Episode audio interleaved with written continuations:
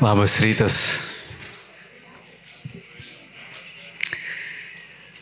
Mes galim nuoširdžiai garbinti viešpatį, jeigu jį pažįstame ir žinome, kiek gero jis yra mums padaręs.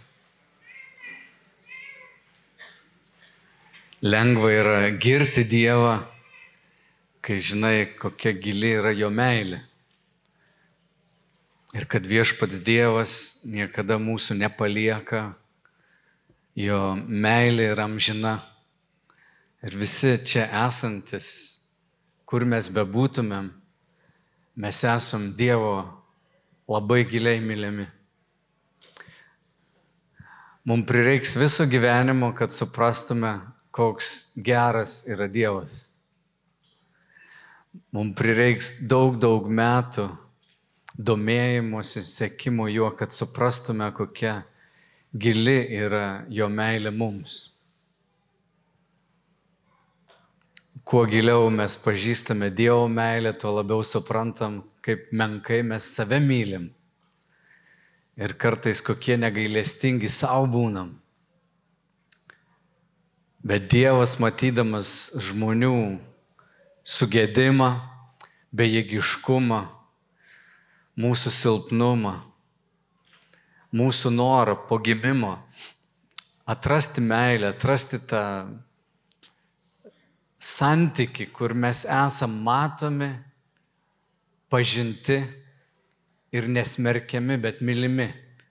Matydamas tai Dievas sukūrė planą atsiųsti savo sūnų, kad jis mirtų už mūsų nuodėmes ir kad iš mūsų gyvenimo būtų paimta nuodėmė, o mes gautume mainais jo meilę, jo teisumą. Aš šiandien noriu pasakyti, kad kas yra Evangelija, ir truputį padėti mums, kai kalbam apie gyvenimo ritmą, kaip mums gyventi vertai Dievo ir to pašaukimo, kas mes esam.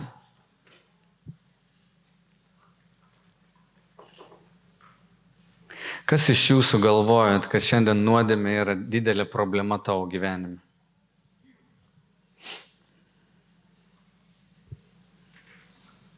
Ok, galima aukščiau. Okay. Pusę. O ką kiti galvojat? Ok. Čia labiau išsilavinusi minė, negu galim buvo tikėtis. Eduardai, ką turiu menį? Malonė padengia nuodėmę.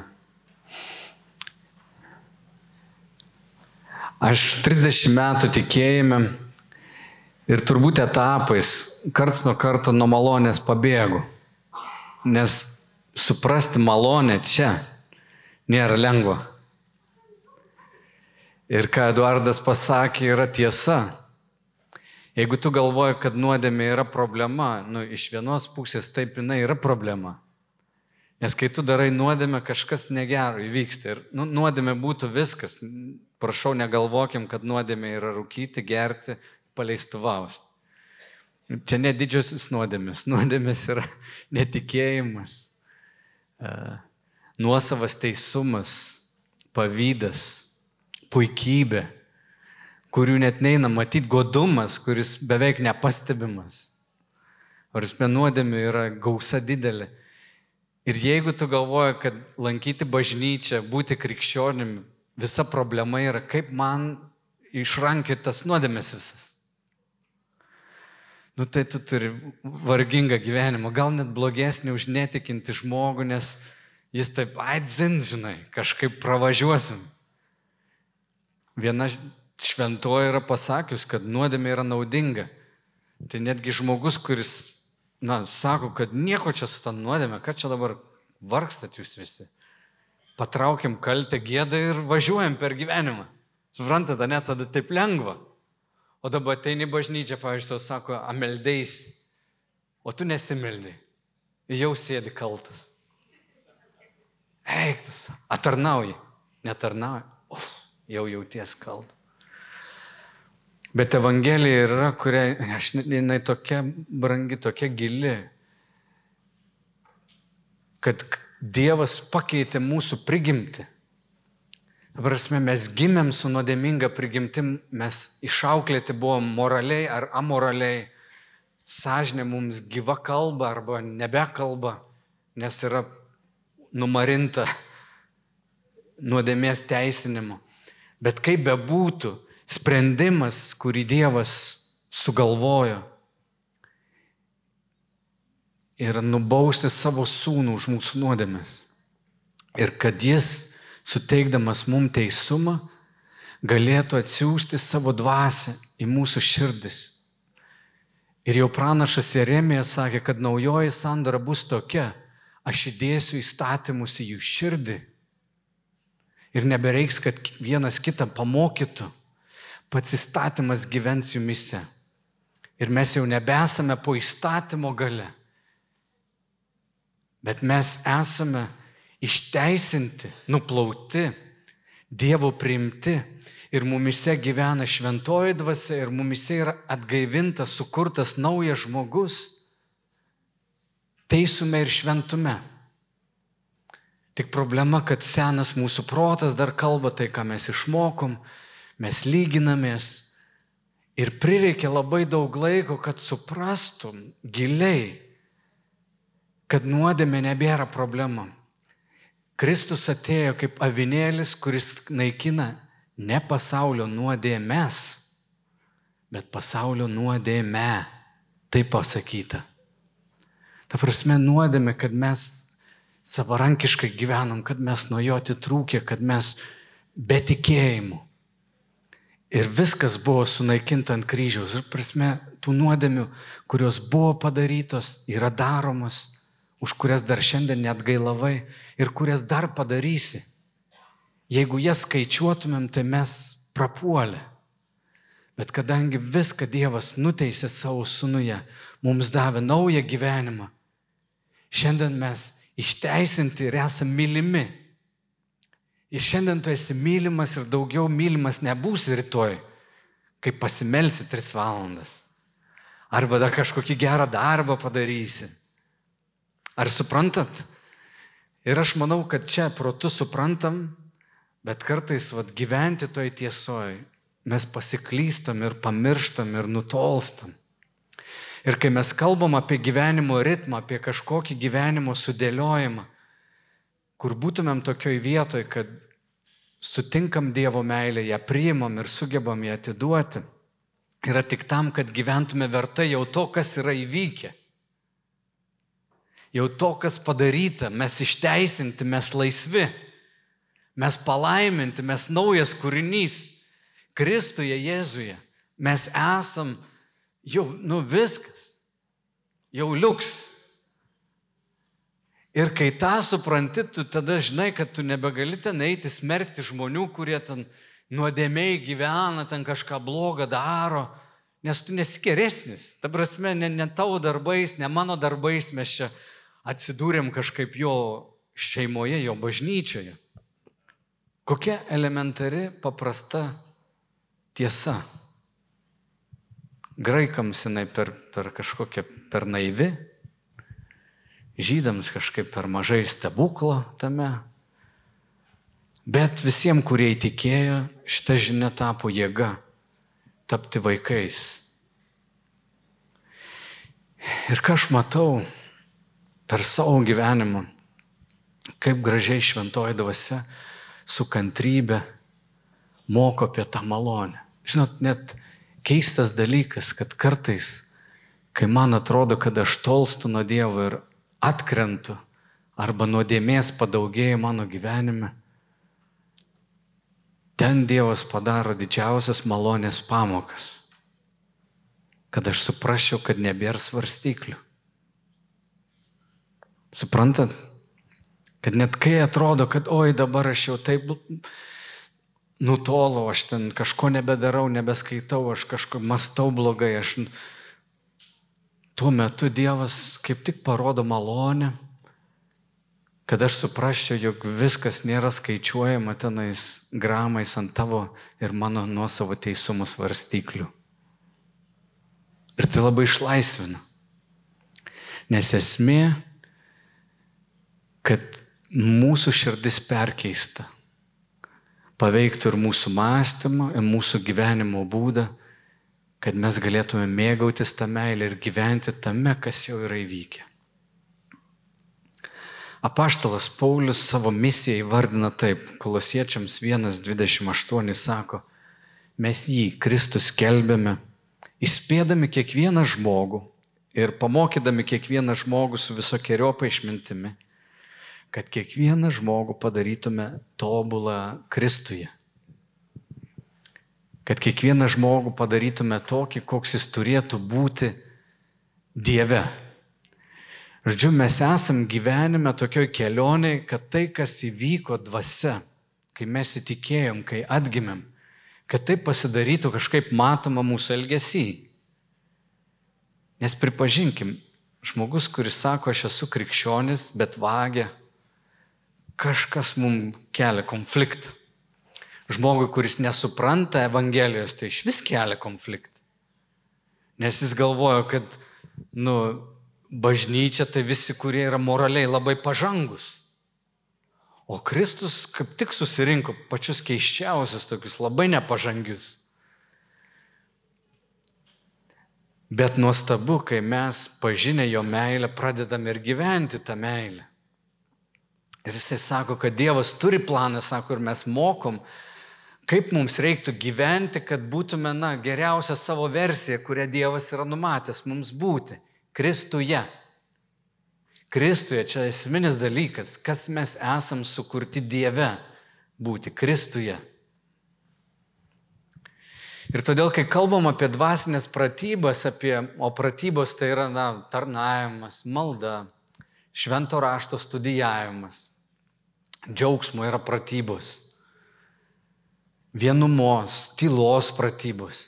Kai mes kalbam apie tas dvasinės praktikas, labai svarbu, kad jas lydėtų džiaugsmas. Tai yra na, ta dalis, kuri parodo, ar mes su teisinga širdimi tai darom. Teresė Vilietė yra pasakė, pasakius, Dieve, apsaugok mus nuo liūdnų šventųjų.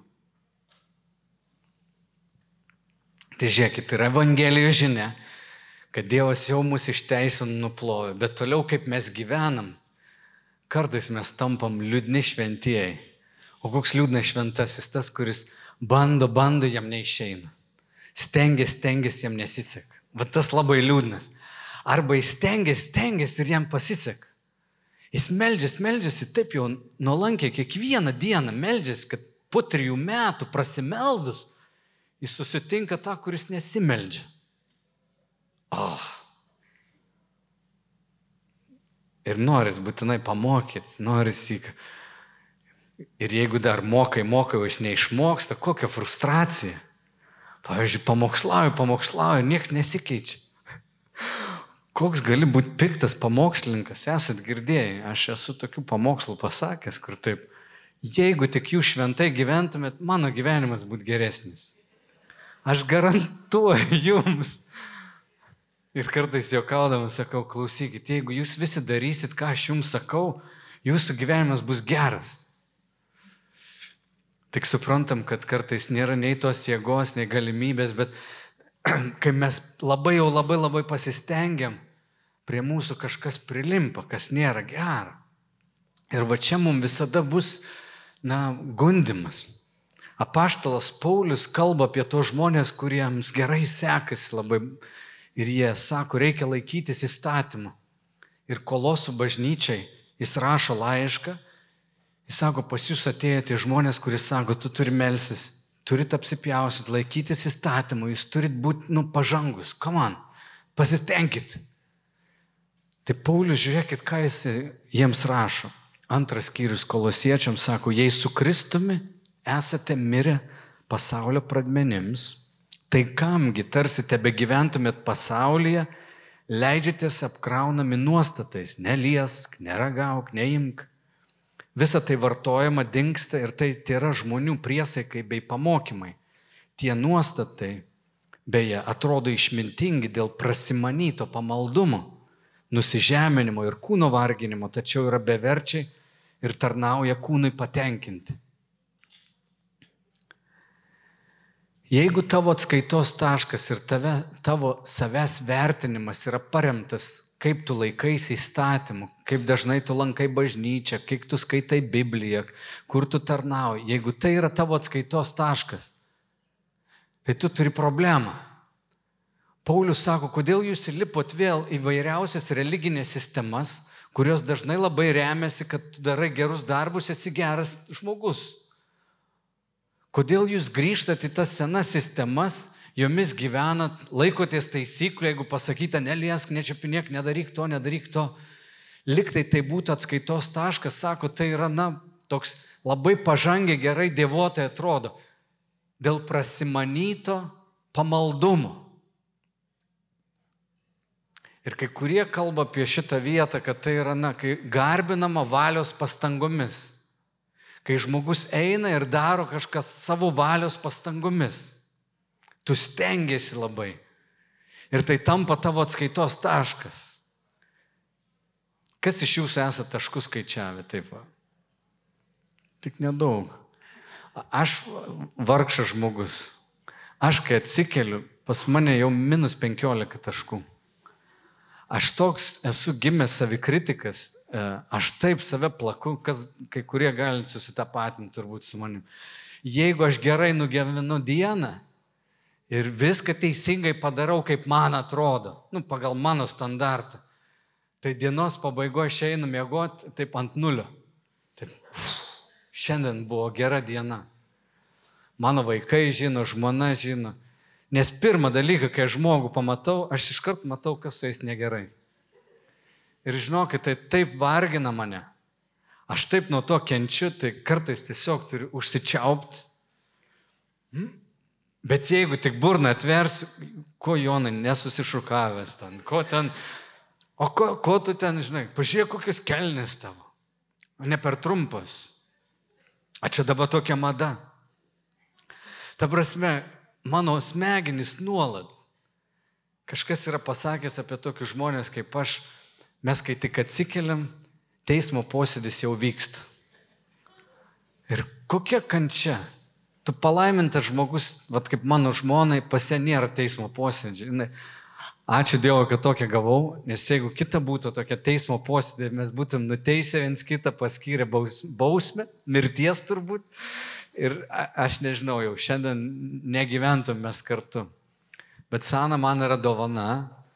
E, Ir kažkaip jinai, vat, jinai negyvena tam posėdį tokiam. O aš viską skaičiuoju. Ir dėl to man malonė žinia labai lietai, nu, va, į galvą tai, nes aš viską skaičiuoju. Pavyzdžiui, aš galiu pagirti žmogų, tik jeigu pagal mano skaičiavimo sistemą tas žmogus nusipelnė pagirimo. Mano žmona gali visus pagirti. Kai kurie pažįstate, tai tokie, o, tokie linksmas, su jie faina su manim būti vargas. Jeigu aš ilgai tyliu, žinok, aš teismo posėdį. Vienintelis vaistas man yra malonė. Kai aš atsikeliu ryte ir Dievas sako, klausyk, aš uždariau teismo posėdį, teismas nebeveikia, viskas įvyko ant kryžiaus, duris užkaltos, aš tenais nebesiruošiu eiti. Dar bus vienas vertinimas, mes atidarysim duris, jau kai susirinks visi manieji, įvertinsim, kas, kaip kam sekėsi. Bet čia jau bus po to, jau, kaip, jau viskas bus gerai. Po mirties. Trečią dieną po mirties, kai nebebus prisikėlimų pavojaus. Bet malonė, jinai leidžia man suprasti, pala, teismo posėdžio nebėra. Ir labai daug laiko užtruko mano gyvenime va, šitas tiesas taip priimti, suvokti, nes aš jaučiausi, net, nu, mane net nervina malonė. Nes pavyzdžiui, žmogus, kuris žymiai už mane blogesnis, gali būti Dievo labiau mylimas. Sąmonė. Arba aš labai stengiausi, stengiausi, man vis tiek neišėjo. Aš taip stengiausi, stengiausi, o džiaugsmo nėra. Žiūri veidrodį, žiauriai liūdnas šventasis. Ir man taip nervas ima, o kitas iš vis, pavyzdžiui, į bažnyčią neina į atostogos visą laiką. Į Dievą garbina, nu, mane tokie žmonės veda iš proto. Aš kaip jis gali? Taip. Ir tada tik praded pagauti, o, vargi, vargi. Aš vėl į tą sistemą įkritau, aš vėl skaičiuoju. Pagaunat, kaip gera žinot, kad viešpats atėjo ir sako, klausyk, aš tave pamilau, kol tu man nebuvai nei naudingas, nei tu gimęs, aš žinau, koks tu gimsi, ką tu dirbsi. Žodžiu, man įspūdžio tai nedarė. Aš tiesiog su, nusprendžiau tave įsivaikinti. At... Alio. Ir kartais toks, toks jausmas Dievas, kiek tu dar vargsi taip, aš tave pamilau, kol nieko gero iš tavęs nebuvo. O kai jau ateina va, ta malonė ir tu pradedi tai suvokti, ateina laisvė. Nes aš įsitikinęs, kad žmogus gali pamilti kitą ne pagal įstatymą, bet tik iš tokios kažkokios, kažkokio gerumo kad tu supranti, kad tave myli, besąlygiškai myli, visada mylės, pasižadėjo mylėti, paukojo savo gyvybę, padarys geriausia dėl tavęs. Ir tada vat, iškyla klausimas, palauko tai, o tai kaip dėl jo reiktų gyventi? Tada supranti, kad aš galiu tik dėkoti. Kokias gražias giesmes mes gėdam Tik jis vertas. Ne mes save išgelbėjom, ne mes čia pažangus moralistai kažkokie susirinkom melstis, garbinti. Bet jis paėmė visokius, keiš, keiščiausius, nuo A iki Z, ir protingus, ir neprotingus, ir, ir laimingus, ir nelaimingus. Ir va, kai mes malonės šitą Evangeliją suprantam, ateina džiaugsmas. Tada tikrai gali būti tas šventasis, kai jau sakai, aš esu šventasis ne dėl to, kiek darbų gerų nudariau, bet dėl to, kad jis, uh, jis mane išsirinko, savo šventumą davė, teisumą davė ir jau vis vadina mane, tu esi Kristuje, tu esi jau primtas. Ir va šitą žinią jinai persisunkia mūsų sielą Tada ateina ramybė, ateina meilė jam, ateina džiaugsmas.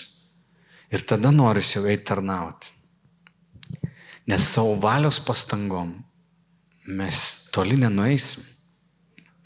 Iš tikrųjų, keletą citatų galiu paskaityti. Heine Arnold sako, noriu aiškiai pranešti, kad išlaisvinti ir išvalyti širdies negalime savo valios pastangomis kol manome gali išsigelbėti savo valios pastangomis, blogis mumise vis stiprės ir stiprės.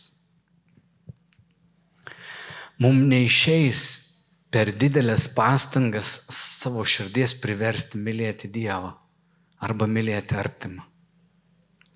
Mes tik priėmė jo meilę, esam perkeisti ir ta meilė, kuri mumise ilsis, gali pavirsti kažkokiu geru veiksmu kitam. Jis turi tapti matoma. Ir štai kur mes prieinam prie tokio e, to pasirinkimo, o kaip mums gyventi. Kai kalbam apie gyvenimo ritmą, apie pratybas, apaštalas Paulius laiškė Galatams labai gražiai pasakė, kas sėja kūnui, tas iš kūno pjaus pražūtį, o kas sėja dvasiai, tas iš dvasios pjaus amžinai gyvenimą. Vadinasi, žmogus, kuris gyvena pagal savo kūną. Ir kai kalbam kūną, tai mes ir apaštalas Paulius neturi omeny mūsų fizinio kūno. Jis kalba apie prigimtį, apie mūsų senąjį aš, apie mūsų senas nuostatas, seną tą visą psichologinį tokį mechanizmą, kaip mes veikiam, kaip mes norim įtikti, kaip mes norim užsitarnauti, kaip mes gaunam pripažinimą pasaulyje, kaip mes užmesgam ryšius ir sukūriam santykius, kuriuose būtumėm pripažinti. Visa tai. Ir žinoma, ankstyvojo gyvenimo stadijose mes visi užsimam statybą tokią, kaip save parduoti, kaip save pristatyti, kaip, kaip susikurti va tą povyzą, tą personą. Tas žodis persona susikurti tam tikrą asmenybę savo, kurią mes pristatom šiam pasauliu. Ir žinoma, šitas darbas labai daug kainuoja pastangų. Nuo mažumės, kai būna mokykloje, mes turime tik mokytojai, mes gaunam pažymius, mes turim draugams įtikti. Tas lenktyniavimas, lyginimasis, visa tai yra mūsų augimo proceso dalis. Ir žinoma, gyvenime mes visi, visi, visi ateinam iki to, kad, na, mes save parduodam jau, kažką pasiekėm.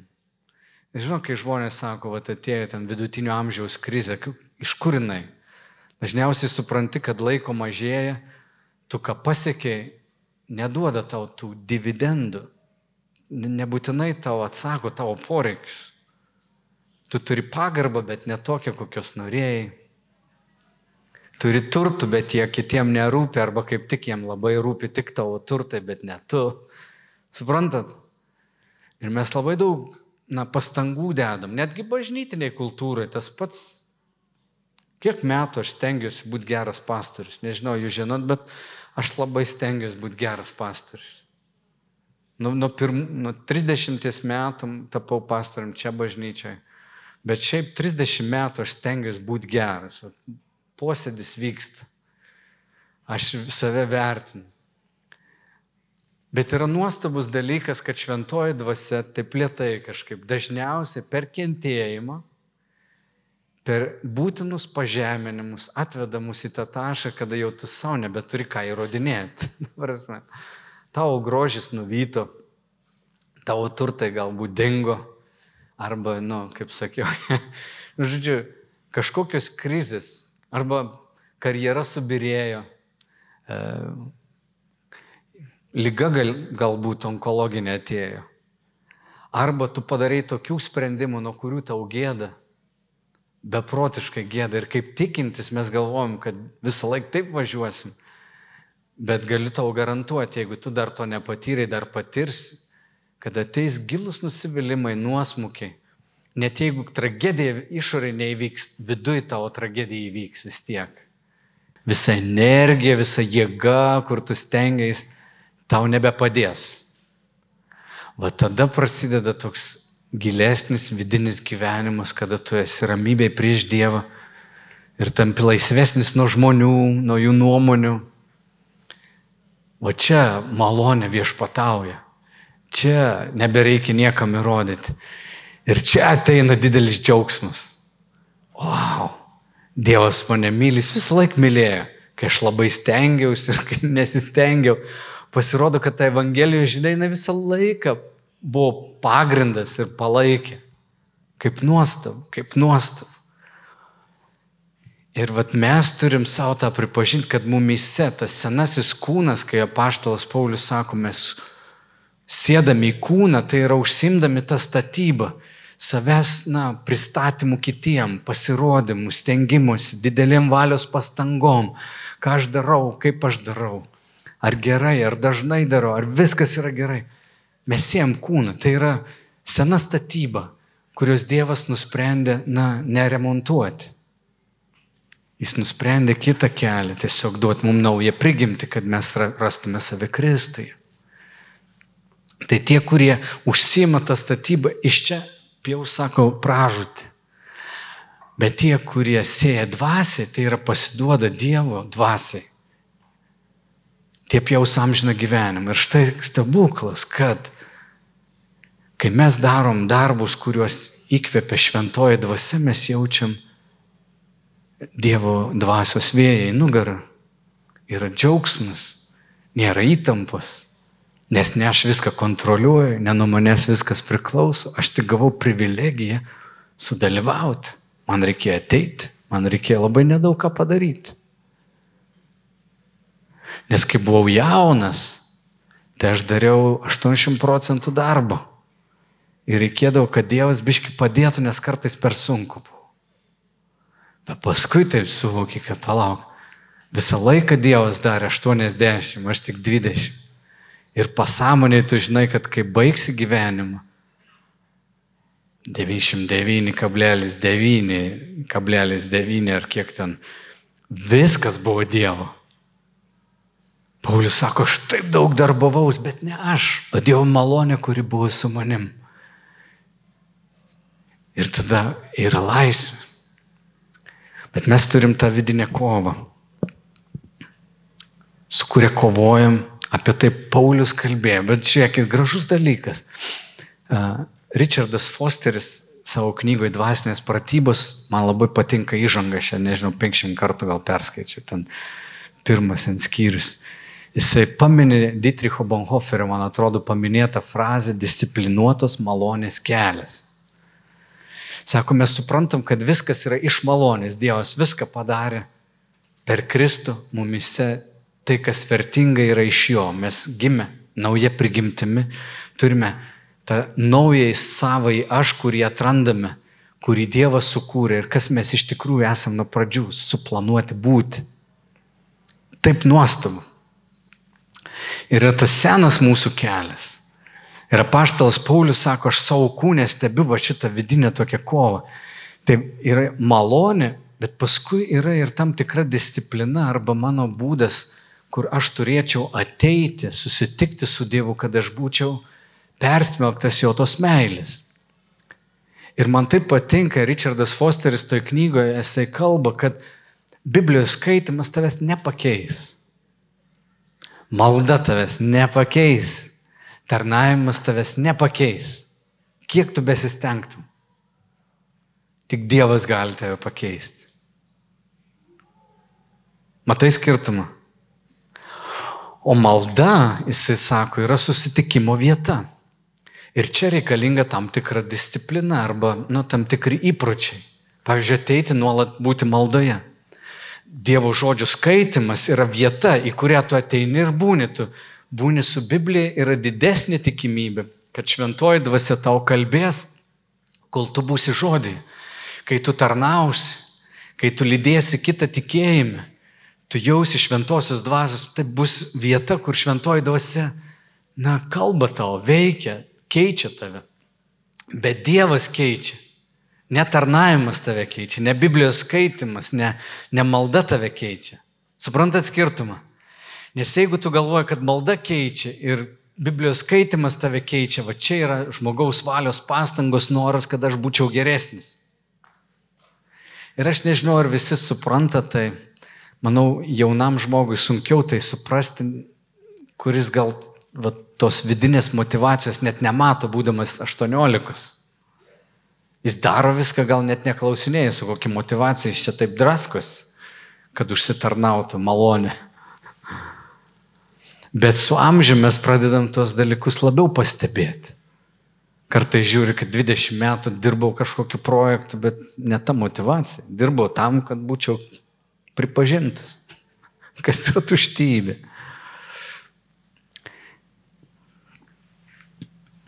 Pabaigai perskaitysiu eilutes, kur Paulius šitą, ką dabar pasakoja, jis taip gražiai romiečiams laiškė šeštam skyriui, septintam ir aštuntam, taip gražiai išdėlioja. Nuo 12 eilutės 6 skyriaus jis sako, taigi, tegu nebe viešpatauja jūsų mirtingame kūne nuodėme, kad vėl nepasiduotumėt jo geismams. Ir neduokite nuodėmę į savo kūno narių kaip nedorybės ginklų, bet paveskite Dievui save kaip išmirusių atgyjusius ir savo narius kaip teisumo ginklus. Jumise neturi viešpatauti nuodėmė, jūs neįstatymo, bet malonės galioje. Žodžiu, jum atleista, jūs nuplauti, viskas gerai, bet dabar, ką tu darai savo gyvenime, nu turi pasiekmes. Tu padarysi nuodėmę, tu sakai, nuodėmė buvo problema. Nu problema tiek, kad jinai kažkokią sukūrė pasiekmes. Pavyzdžiui, gerai savaitę išmetė iš darbo, nu yra pasiekmė. Ir galbūt smegenim negerai. Puikavaisi, didžiavaisi, apkalbėjai, žeminai kažką, praradai santykius. Nu problema. Bet tai nepaveikia, kad tu esi Dievo vaikas ir kad Dievas toliau tave myli. Netaškų sumažėjo, nes nebėra taškų sistemos. Teismo salė uždaryta, išteisinimas įvykdytas. Bet jeigu tu gyvensi taip, nu turėsi pasiekmes. Ir jis sako, dėl to savo kūno, nu, ne, ne, neatiduokit. Nu, nu klausyk, nu neik ten, kur bus blogai. Tik dėl to. Ne kad Dievas tai mažiau mylės ir taškų prarasi, bet tiesiog, nu, bus pasiekmes. Ir tu greičiausiai turėsi išstrėpti dar tas pasiekmes.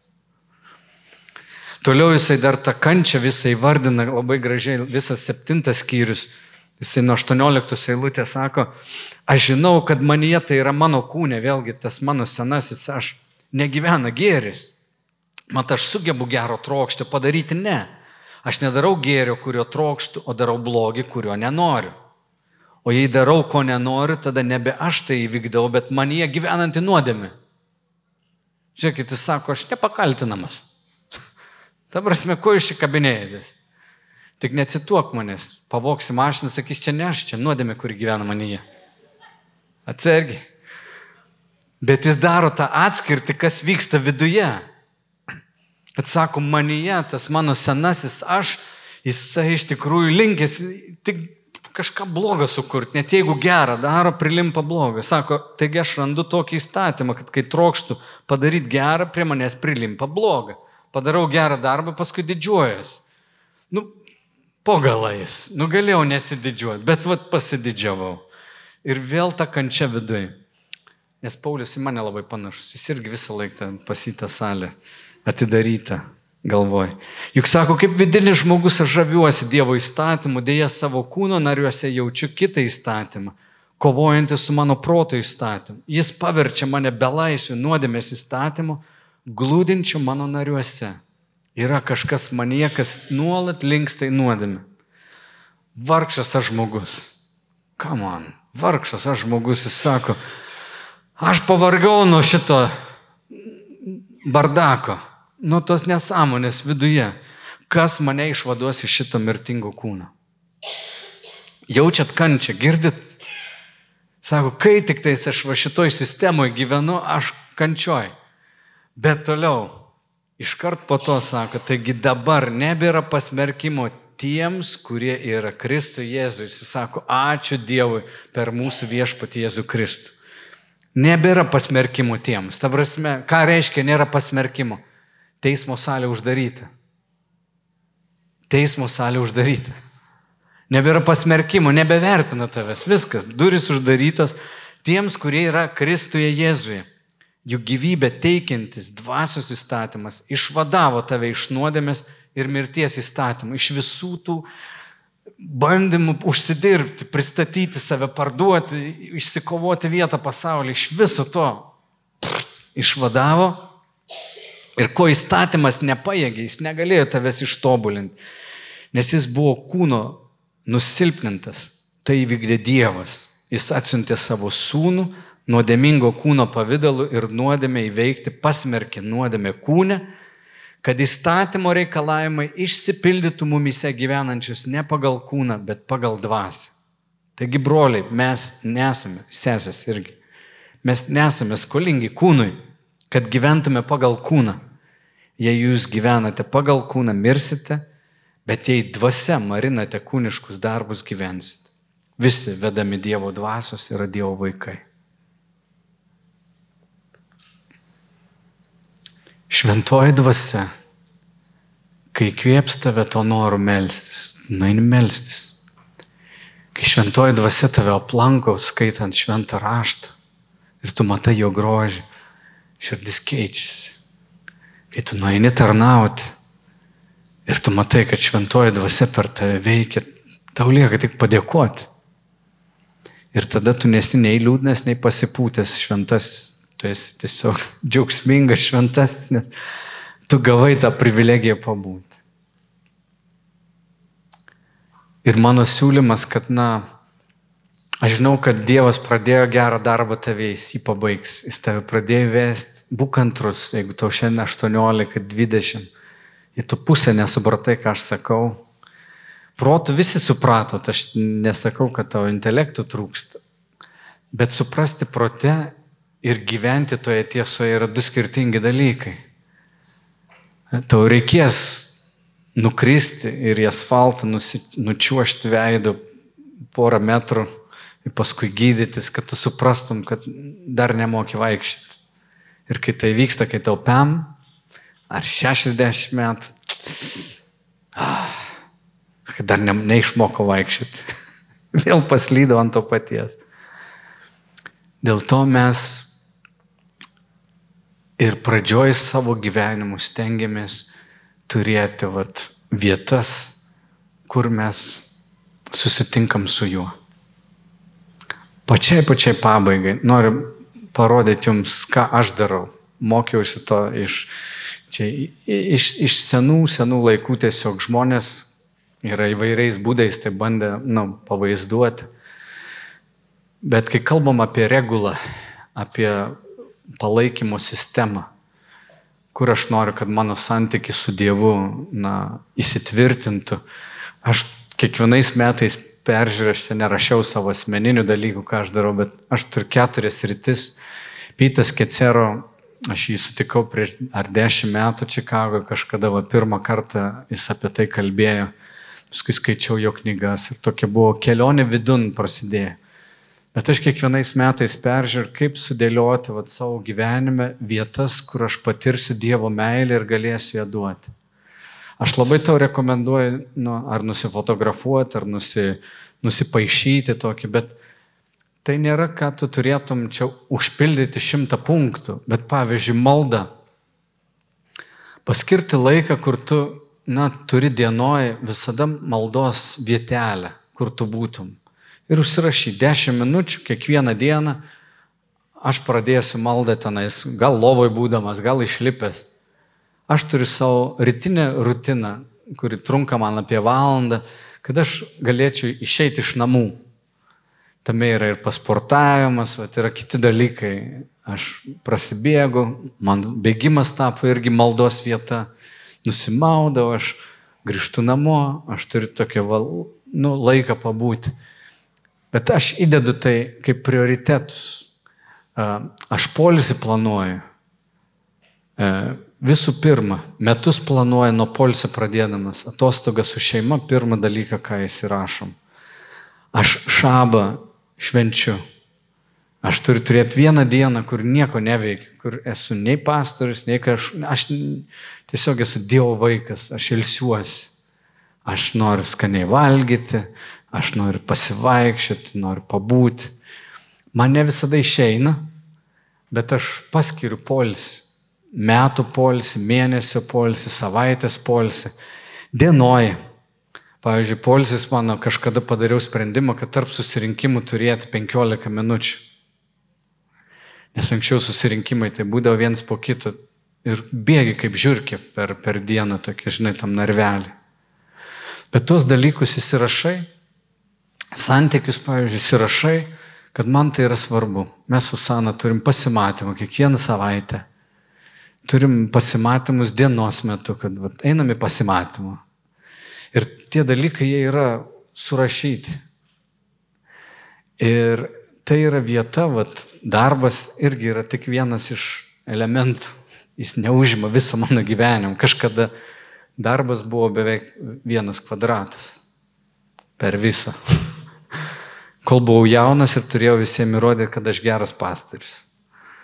Ir buvo labai didelis kvadratas. Dabar jis, mat, čia senovės išmintis. Aš praktiškai tiesiog um, siūlau jums, na, tą praktikuoti domėtis. Ir vat, šita, šita na, palaikymo sistema, jinai, jinai yra labai svarbi. Aš 30 metų kiekvieną sekmanį einu į pamaldas, nu, į bažnyčią. Net kai keliaujam, stengiamės būti bažnyčiai. Tai yra dalis vat, sistemos, kuri neleidžia man paklysti. Aš turiu draugystės, kurios yra įrašytos, kad nu, tai yra man saugumas, kad aš nepasiklyšiu, nes aš save moku apgauti. Man reikia žmonių, kurie tiesą man pasakytų. Žodžiu, aš noriu tik parodyti tokią, na, paveikslėlį, kad tu bent vieną, du dalykus įsirašytum savo, va toj reguloje, tu jau ją turi, visi turit, visi pietauja teisingai. Visi ilsitės kažkaip tai. Visi kažkokią turi dvasinę praktiką, va, jūs ateinate pamaldas. Jūs jau turite tą. Bet tai yra vietos, kur mes leidžiam šventai dvasiai mus keisti. Aš viliuosi, kad šventoji dvasia tuo žodžiu, kurį skaitėm, mus atgaivina dabar. Mes pabuvom, nurimom, pabuvom be, be, be, be trukdžių didelių. Jūs susikaupę, klausėtės, reflektavot. Visą tai kaip sėklytės įkrenta į širdį, jūs gali duoti vaisių. Tai yra gera vieta. Nes pats ateimas jis nepakeis tavęs. Bet čia tu išgirsti, o Dievas mane myli, o įkrita. Po dešimt metų tau grįž kai kurie tie žodžiai. Nu, neprisiminsi manęs kalbant, bet jie grįž tau iš čia, iš vidaus.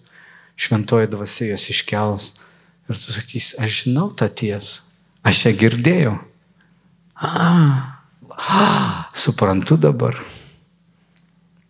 Ir kartais tai užtrunka. Jėzus daug mokiniams prakalbėjo, kalbėjo, sako, dabar jūs nesuprantat. Bet ateis laikas, šventoji dvasia, iškelsime paviršių, jūs suprasit, tada jūs turėsit jėgą gyventi toj tiesoje. Viešpatė, pašventink mus savo tiesą, tavo žodis yra tiesa. Pašventink viešpatė, kad mes būtume malonę pažinę žmonės, kad mes būtume tie, kurie persismelksim viešpatie tavo gerumu. Apreikšk mums viešpatie savo malonės Evangeliją įvairiais būdais ir palidėk mus viešpatie kiekvieną. Dėliotis tą gyvenimo ritmą taip, kad jame būtų vietos atpažinti tave. Meldžiu viešpatie malonės pastebėti tave veikianti visos savaitės metu Taigi šventoji dvasia esi taip arti mūsų. Tu mus išlydėsi iš čia, tu mus pasitiksi kitoj durų pusėje, tu viešpatė visada būsi šalia, kai atsiūsi žmonės. Meldžiam viešpatė, kad tu duotum mums pastabumą tave matyti.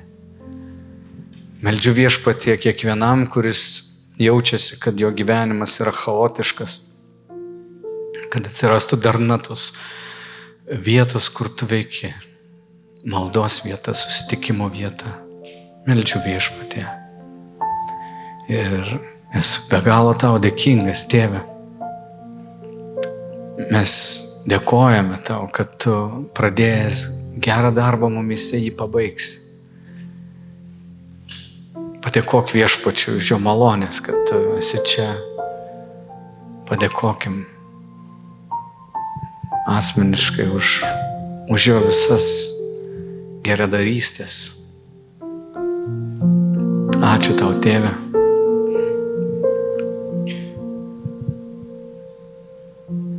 Ačiū tau, Kristau, kad tu esi bažnyčios galva. Esi čia tarp mūsų, vedantis mus, palaikantis. Ačiū tau šventoji dvasia.